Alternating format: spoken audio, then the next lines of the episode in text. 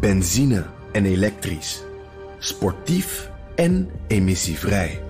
In een Audi plug-in hybride vindt u het allemaal. Ervaar de A6, Q5, Q7 en Q8 standaard met quattro vierwielaandrijving. Wat u ook zoekt, u vindt het in een Audi. Audi. Voorsprong door techniek.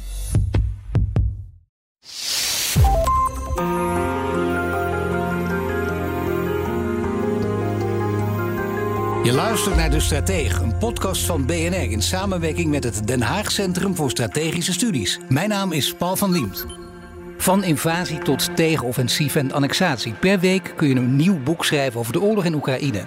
Nadat Rusland vier regio's in Oekraïne annexeerde, wisten de Oekraïners in een tegenoffensief delen van deze regio's terug te veroveren. Het Kremlin blijft intussen melden dat alles volgens plan verloopt en alle doelen van de speciale militaire operatie zullen worden behaald. Experts zijn het er echter over eens. Poetin komt met zijn rug tegen de muur te staan. En wat dan? Een kat in het nauw maakt immers rare sprongen. Zijn kernwapens echt een optie voor hem? We nemen de huidige stand van de oorlog door in deze aflevering. Dat doen we vanuit beeld en geluid in Hilversum in het kader van de Dutch Media Week. Om precies te zijn doen we mee met de Wereldrecordpoging podcasten. 200 uur achter elkaar zullen hier verschillende podcasts worden opgenomen. Ik ga praten met mijn twee gasten. Peter Weininga, defensiespecialist van het Den Haag Centrum voor Strategische Studies. En Dick Berlijn, oud-commandant van de Nederlandse strijdkrachten.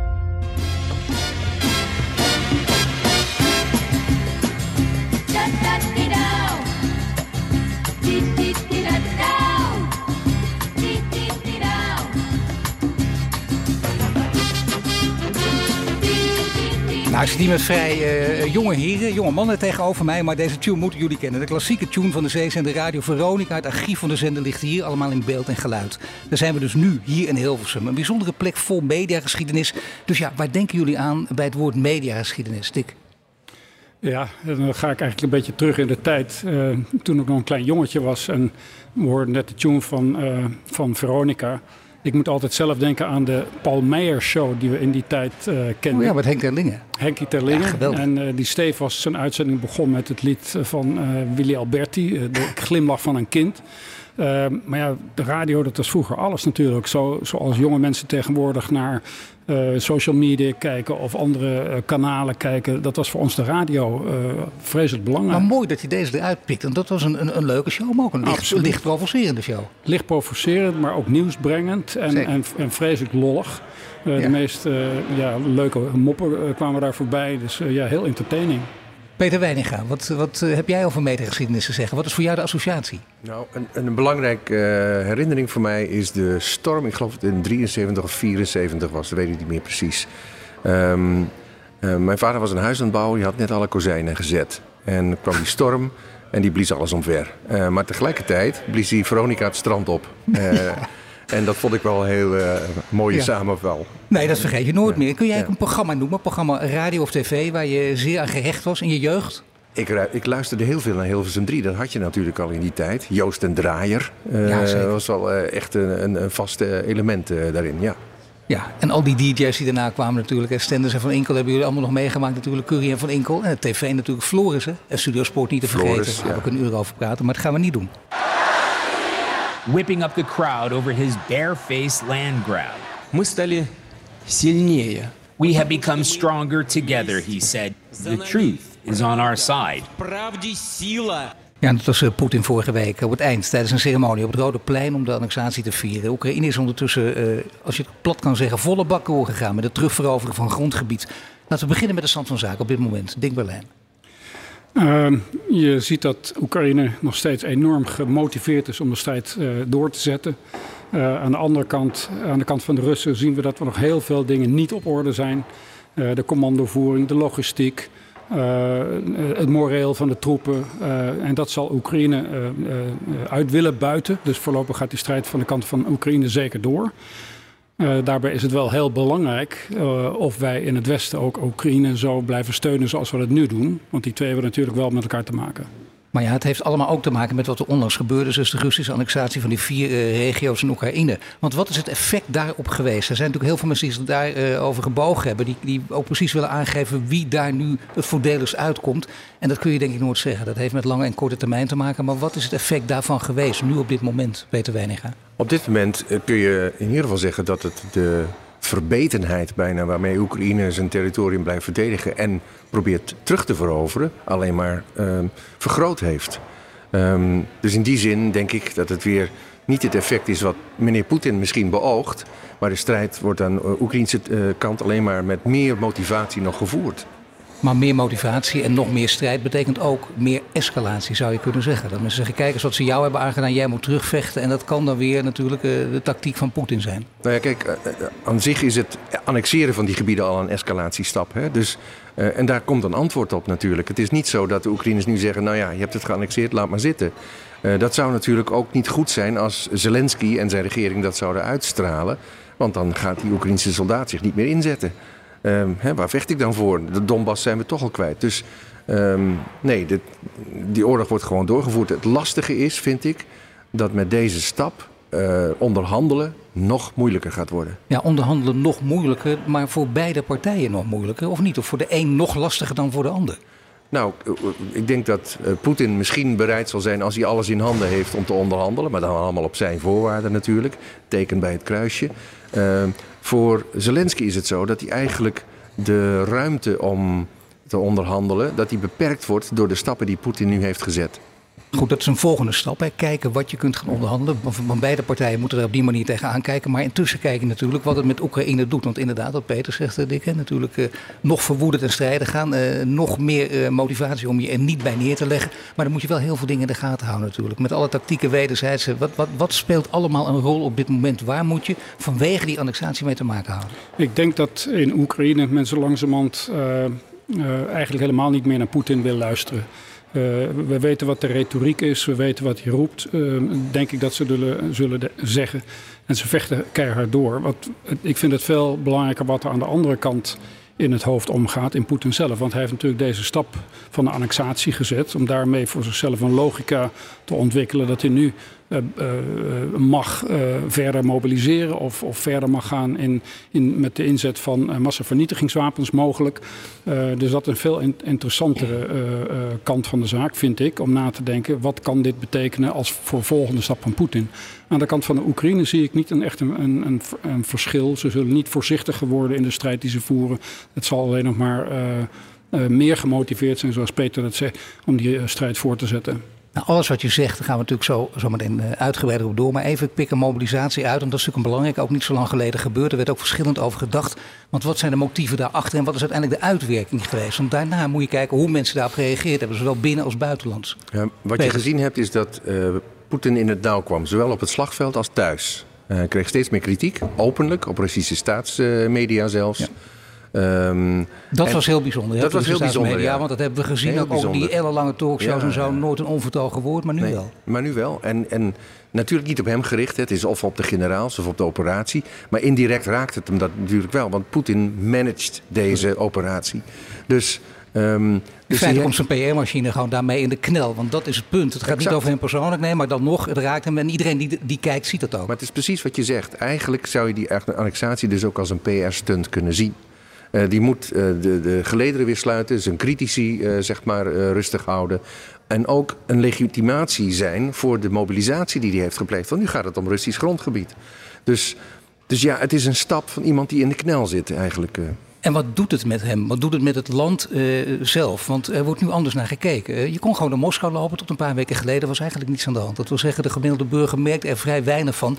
Dus die kon ook makkelijk wegkijken. Wat veel mensen in die gevallen, zonder morele oordelen, maar wat veel mensen natuurlijk doen in zo'n situatie. Nu komt het dichtbij. Kijk eens even, mijn zoon, mijn neef, mijn ja. familie wordt uh, geofferd op het slag, ja. uh, slagveld. En dat wil je niet. En wat ja. doet dat binnenlands? Want het is heel moeilijk om dat af te wegen. Je kunt meteen roepen, zie je wel, ze komen daar allemaal in opstand tegen Poetin. Maar is dat ook zo? Nou ja, hier en daar heb je dat natuurlijk wel gezien. Zeker tegen de mobilisatiepogingen. En zeker toen het nog lukraak mensen werden, hè, die bussen binnengesleept. Uh, dat hebben we gewoon gezien. Ehm, hè, men hield zich niet aan de uitzonderingsposities eh, eh, die door de minister van Defensie waren bepaald. Ehm, dat heeft men ook toegegeven. Die fouten zijn gemaakt. Die fouten zijn vooral door lokale autoriteiten gemaakt, wordt er dan bij gezegd. Dus niet door het Kremlin.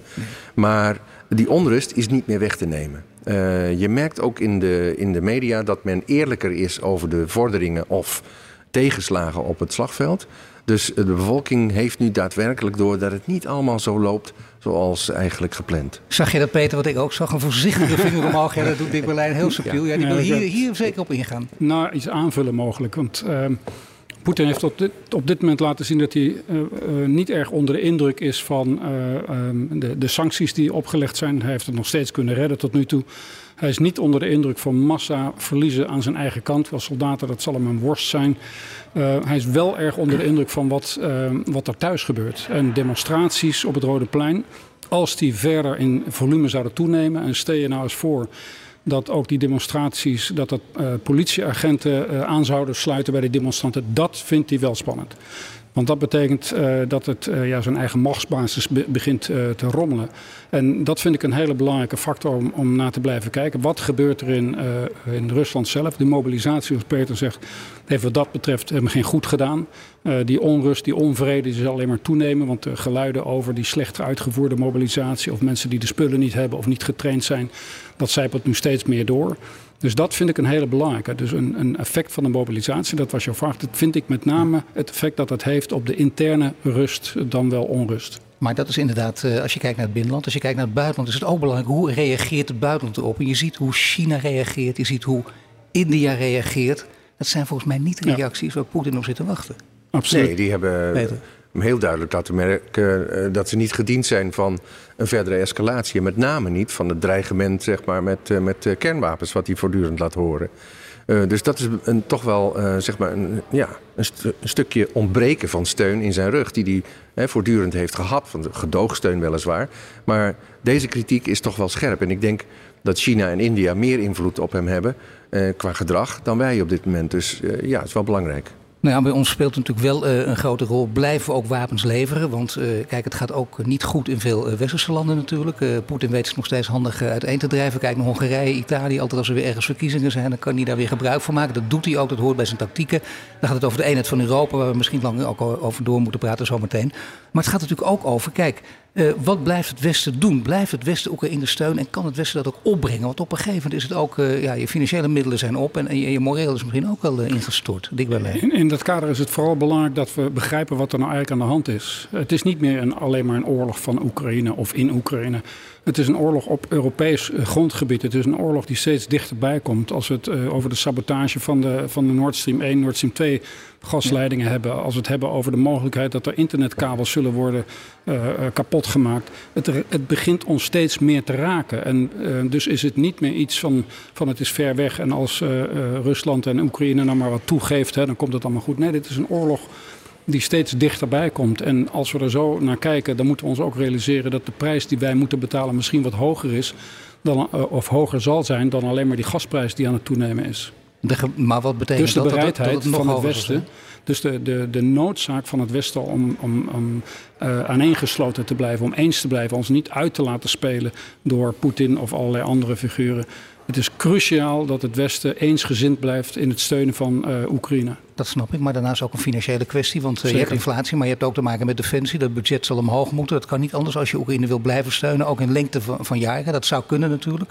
Maar willen mensen dat nog wel doen? Want dat worden toch van die, zijn vaak van die kritische momenten, ook als je in de geschiedenis kijkt. He, hoe, hoe, ja. hoe, staat een, hoe behoud je dat draagvlak onder de bevolking uh, gewoon levend ook? Ik denk dat dat uh, begint vooral bij politici die ook de moed hebben om tegen ons alles te vertellen wat er op het spel staat en wat de werkelijkheid is. Uh, en dat is in het verleden niet altijd heel erg populair gebleken um, voor, voor, politici nee. om meer geld voor defensie te vragen. Maar ik denk dat we allemaal baat hebben bij een, een heldere kijk op wat hier gebeurt. En nogmaals, dat begint vooral bij politici die uitleggen aan ons allemaal wat er op het spel staat. En dat we niet uh, even de andere kant op kunnen kijken en dan gaat het wel over. Dat zal het geval niet zijn. Nou ja, is dat misschien niet een van de grote knelpunten? Of, of, of, die steun wel houdbaar blijft en of de mensen dat wel willen blijven doen. Want je vraagt natuurlijk heel veel van een bevolking die denkt: wacht even, ik ga nu toch naar mijn eigen hachje kijken. Ja, ja weet je, het is een uitdaging. Zo zou ik het willen zien. Uh, en inderdaad is het van belang, zoals Dick zegt, dat politici het voortouw nemen in het uitleggen en het brengen van die boodschap. Uh, want dat is heel belangrijk. Uh, Volkskrant stond een goed artikel. we kijken het beest weer in de bek. Ja. zoals we dat hè, in de 20e eeuw meerdere malen hebben gedaan. En, en dan is het zaak en ook de uitdaging om je rug recht te houden. Want inderdaad, um, je, ik moet er wel eens aan mensen uitleggen: Nederland stopt niet bij de grenzen, bij onze landsgrenzen. Stopt Nederland niet. Onze invloed en onze belangen strekken zich over heel Europa uit. En als Europa dus bedreigd wordt door dit fenomeen, zeg maar, eh, wat zich nu afspeelt in Oekraïne, dan moeten Nederlanders dat zich ook aantrekken. En dat verhaal, dat hoor ik nog te weinig uit de monden van onze politici. En dat doen de politici om wat voor reden? Hoeven wij niet te speculeren, want we kunnen de geschiedenis bekijken. Wat is de belangrijkste reden daarvoor? Toch even kijken naar de peilingen en weten dat dat geen populair onderwerp is om daar dus ook offers voor te vragen? Ja, ik denk inderdaad eh, dat dat meespeelt, ja. Hoe reageert de Kamer? Hoe reageert de, het electoraat? Of de, of de, uh, de opiniepeilers, of noemen dat, de, de stemmenpeilers. Of misschien wel generaties uh, politici die uh, uit de boekjes wel weten, Eerste en Tweede Wereldoorlog, maar het wordt steeds verder, komt steeds verder weg. Ze hebben ook bijna geen ouders meer die dat nog kunnen vertellen. Dus dat speelt nog ook een rol, of niet, Dick mm, Dat zal mogelijk ook meespelen, maar ik denk ook dat er vooral toch een, een, een gevoel bestaat dat, ja, moet je hier nou mee naar de burgers toe, terwijl de wat extremere flanken van ons politieke spectrum uh, roepen dat er van alles mis is met de toeslagenaffaire of de boeren, et cetera, et cetera. Dus het is ook hier, ja, waar scoor je mee? Dat, dat is een wat cynische benadering. En zo zwart-wit is het natuurlijk niet, dat realiseer ik me. Maar laat onverlet dat het belangrijk is dat wij politieke leiders hebben in het land. die uitleggen aan ons wat er nou precies aan de hand is. Zij, hebben wij die leiders? Het valt even stil. Ja, nou, laat ik zo zeggen. Sommigen sommige zijn daar misschien wat meer bedreven in dan anders. Eh, laat ik het maar, op die, laat ik het maar zo afdoen. Nee, maar dat mag wel een. Uh, het mag wat mij betreft een, een absoluut meer. Want het is essentieel. Als je een situatie ziet ontwikkelen. En als we eigenlijk op dit moment eh, toch min of meer een beetje de andere kant op kijken. Nou ja, laten we nog een, een paar panzerhouwitsen sturen en uh, dan moet het maar eens een keer over zijn. Zo is dit conflict niet. Zo zit dit niet in elkaar. Nee, we moeten op alles letten natuurlijk. En ondertussen ook uh, voorzichtigheid betrachten. Hoe gek dat misschien nu ook klinkt. Maar als je kijkt naar de annexatie van die vier gebieden vanuit Poetin gedachten, is er vaker over gesproken. Maar nog steeds, ik ben benieuwd wat jullie daarvan vinden. Natuurlijk kan hij natuurlijk denken, zie je wel, die, die gebieden zijn nu behoord tot Rusland. Kijk maar naar die referenda. Maakt niet uit dat jullie er allemaal van zeggen, maar wij worden nu terug aangevallen wat ook gebeurt. En er worden gebieden heroverd de Oekraïne. Maar op dat moment is dat een aanval op Rusland. Ziet hij dat, ook werkelijk zo? Kan hij dat inzetten om tot grovere middelen te komen of niet? Nou ja, maar iedereen die dat natuurlijk gelooft, die moet nog eens een keer uh, zich achter zijn oor krabben. Want het is natuurlijk een retoriek die nergens op slaat. Uh, uh, hij bouwt dit op inderdaad om niet te kunnen zeggen van kijk, nu is het Rusland en dus ben ik gelegitimeerd om nog zwaardere wapens in te zetten. Dan wel nog verder te gaan in mijn mobilisatie. Maar dat is allemaal, ja, excuseer mooi, maar echt klinkklare onzin. Uh, het, het, gaat erom dat hij uh, besluit om een ander land in te vallen, een, een soeverein land het land in te pikken en vervolgens te zeggen: ik hou een referendum, een, een, een fars natuurlijk, slaat nergens op. Ja. En vervolgens zegt hij: het is van Rusland, we worden aangevallen, we moeten ons verdedigen. Ja, zo ken ik er nog wel een paar. Nee, uiteraard. Klinkt daar onzin, dat zeggen we hier. En dan zitten we in, eh, met, eh, laten we zeggen, eh, drie redelijke, zeker twee redelijke mannen met elkaar te praten die heel rationeel denken. Maar Peter, wat betekent dat dan uiteindelijk? Ik bedoel, hij denkt anders. Hoeveel mensen in de hele wereld proberen niet in, in het hoofd van Poetin te kijken? En niemand komt natuurlijk met het, met het echte antwoord. Misschien weet hij het zelf niet eens. Nee, misschien moeten we dat ook gewoon niet proberen. En gewoon kijken naar wat hij doet. En um, kijk, uh, hij zal inderdaad het annexeren van die uh, stukken die, hè, die van de vorige week, die, die vier gebieden zeg maar, in Oekraïne, mogelijk inderdaad aanwenden als, kijk, Russisch grondgebied wordt bedreigd. Overigens hebben de Oekraïners al lang doelen op de Krim aangevallen. en dat is dan ook Russisch grondgebied volgens Poetin sinds 2014. Dus, En daar heeft hij niet echt op gereageerd.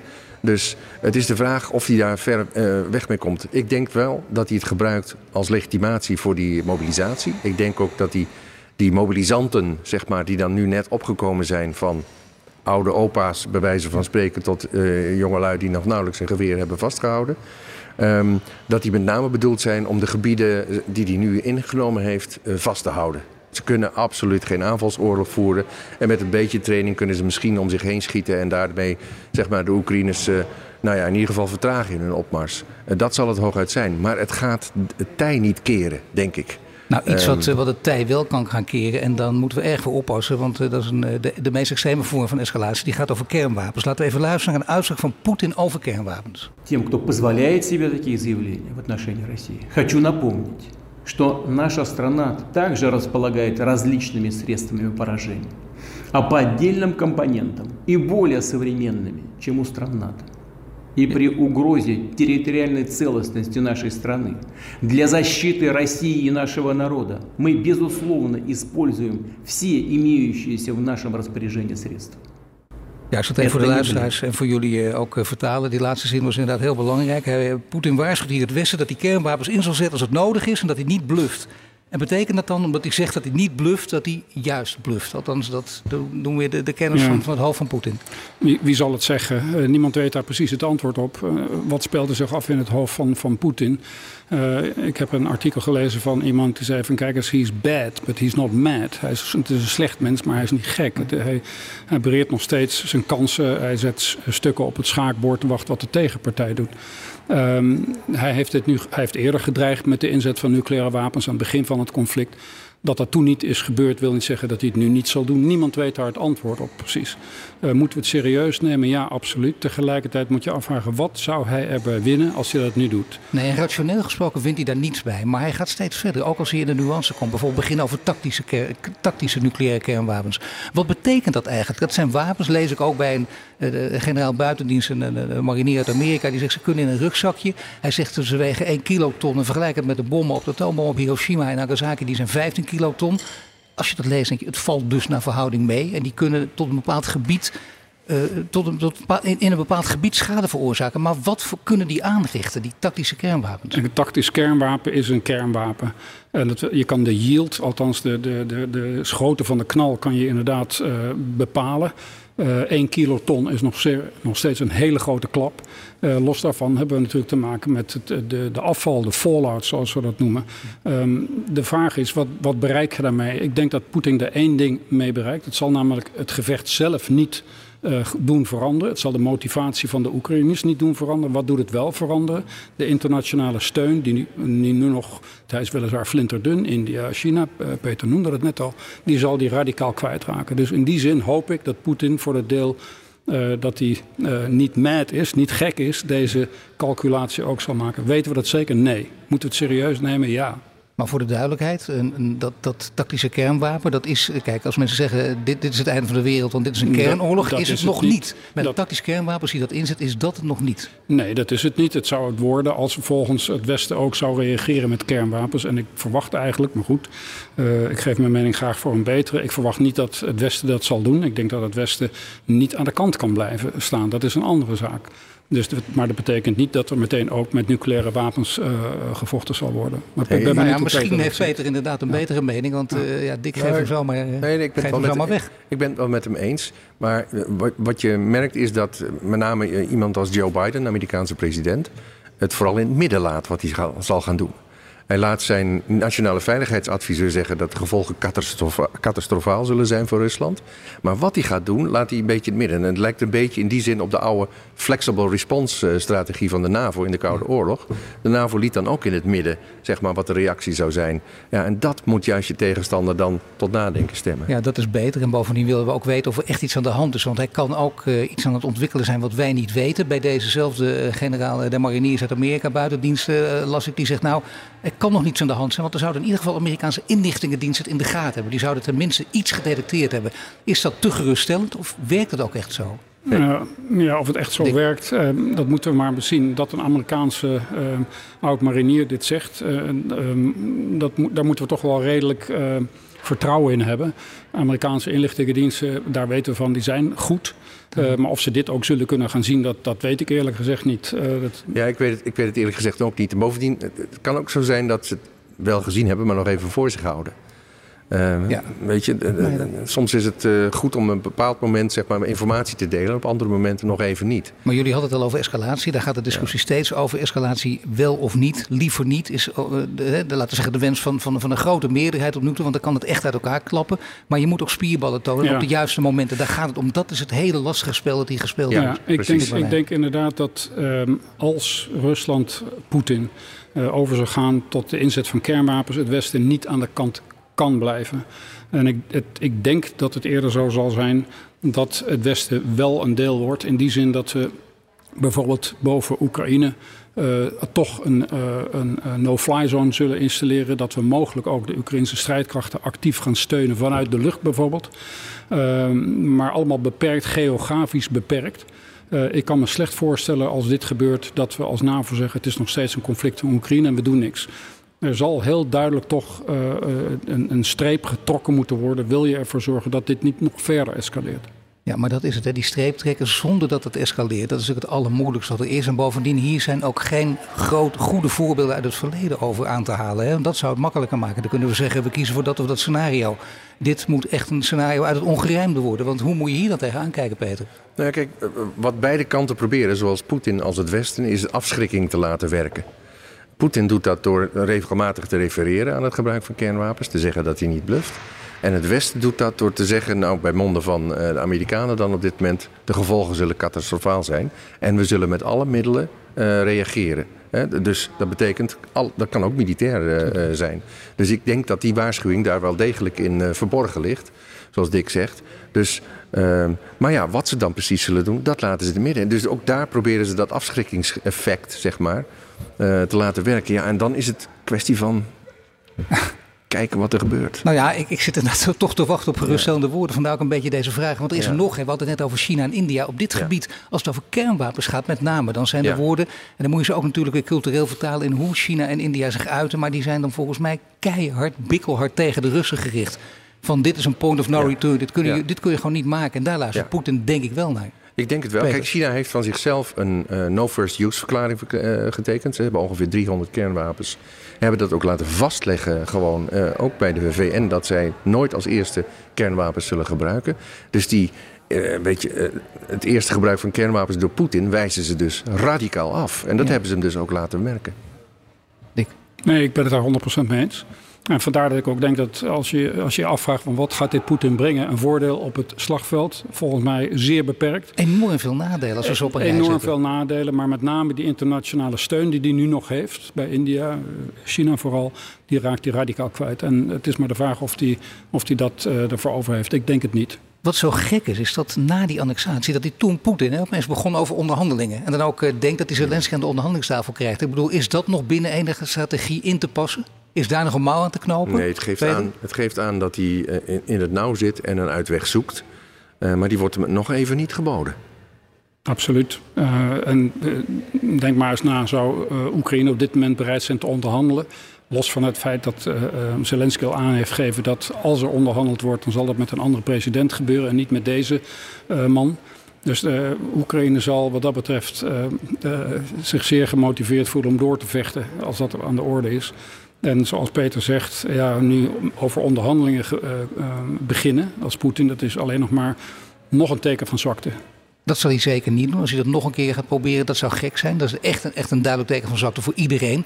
Maar hij moet daardoor sterker worden. En hoe kun je sterker worden? Door bijvoorbeeld te kijken, waar kan ik nog extra wapens vandaan halen? Iran wordt natuurlijk steeds genoemd met drones. Maar ook uh, Noord-Korea. Nou, Noord-Korea, daar horen we afgelopen week ook even van alles van. Dus ja, die zijn dreigend genoeg. En die zijn nog wel bereid om Rusland te steunen. Is dat nog een, een, een, hoek waar ze het kunnen vinden en zich sterker kunnen maken? Maar dat, dat is steun die niet te vergelijken is met de steun die hij nu van China krijgt bijvoorbeeld.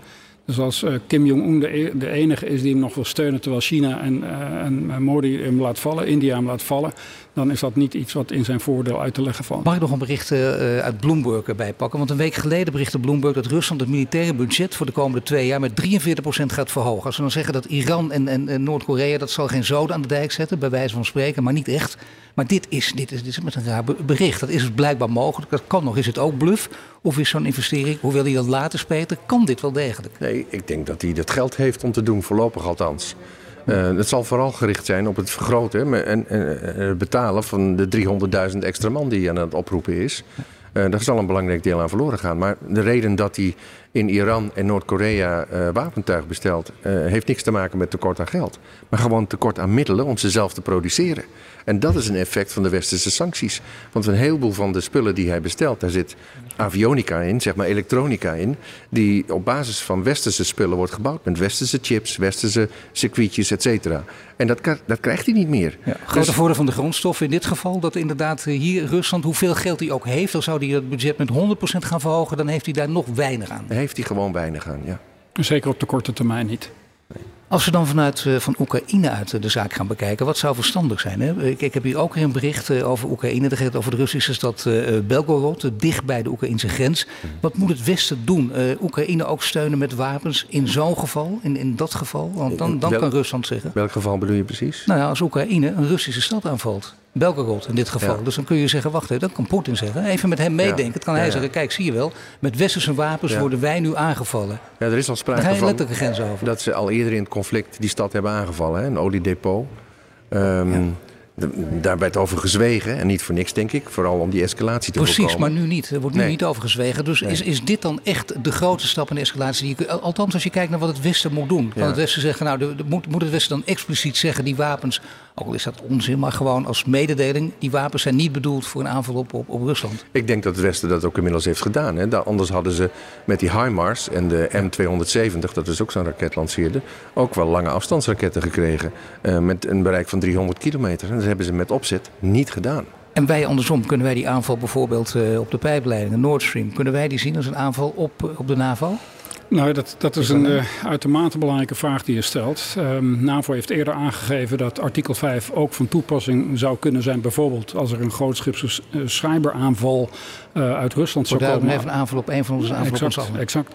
Nou, stel nou dat uh, onomstotelijk bewijs, bewezen wordt dat dit een, uh, afkomstig is uh, van het regime Poetin dan moet de NAVO zich achter de oren krabben. Hoe gaan we dit nou uitleggen? En zijn we nu bereid om al zo'n stap te, te, maken? Gaan we nu ook actief maatregelen nemen?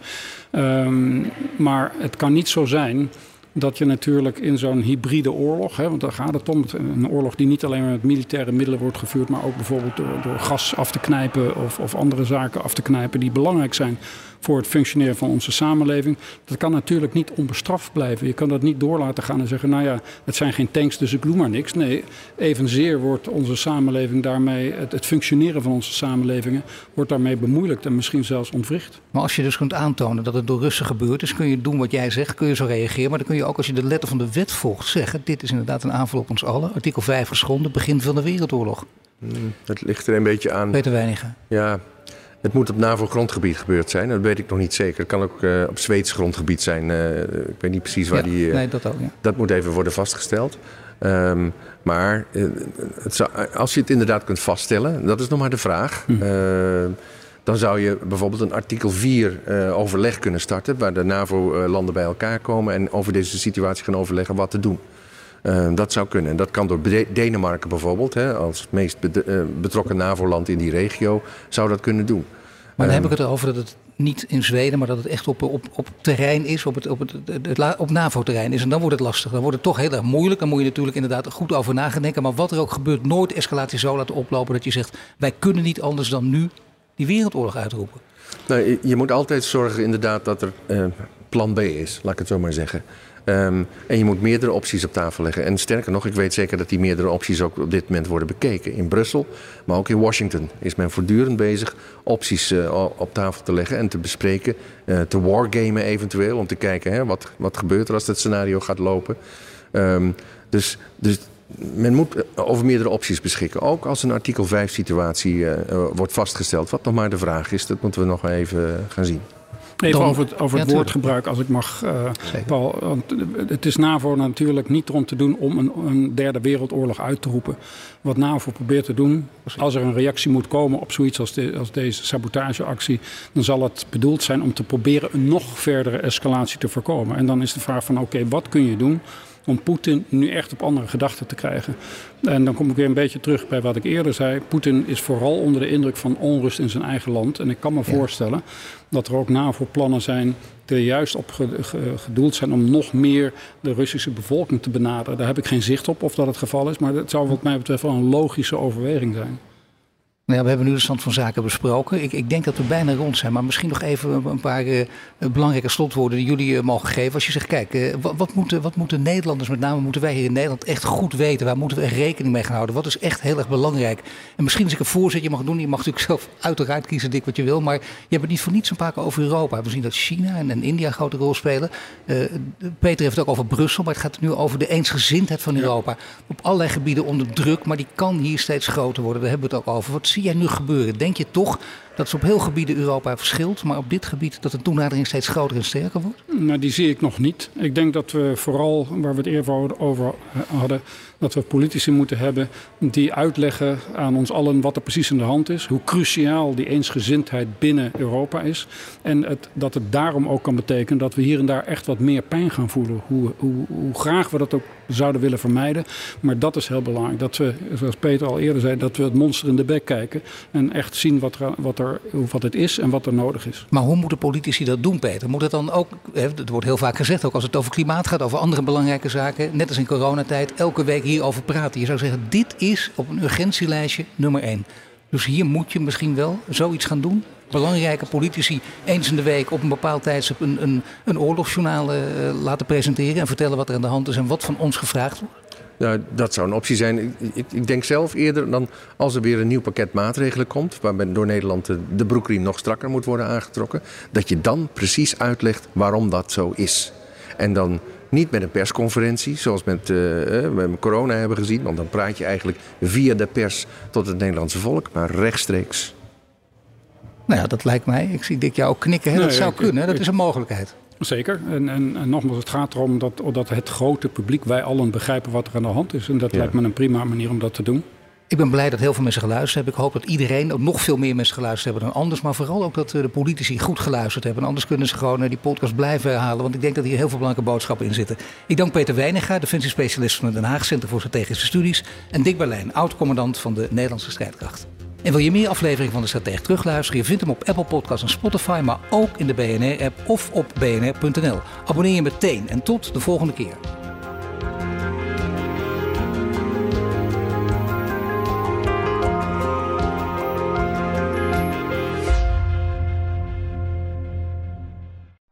Benzine en elektrisch. Sportief en emissievrij. In een Audi plug-in hybride vindt u het allemaal. Ervaar de A6, Q5, Q7 en Q8 standaard met quattro vierwielaandrijving. Wat u ook zoekt, u vindt het in een Audi. Audi. Voorsprong door techniek.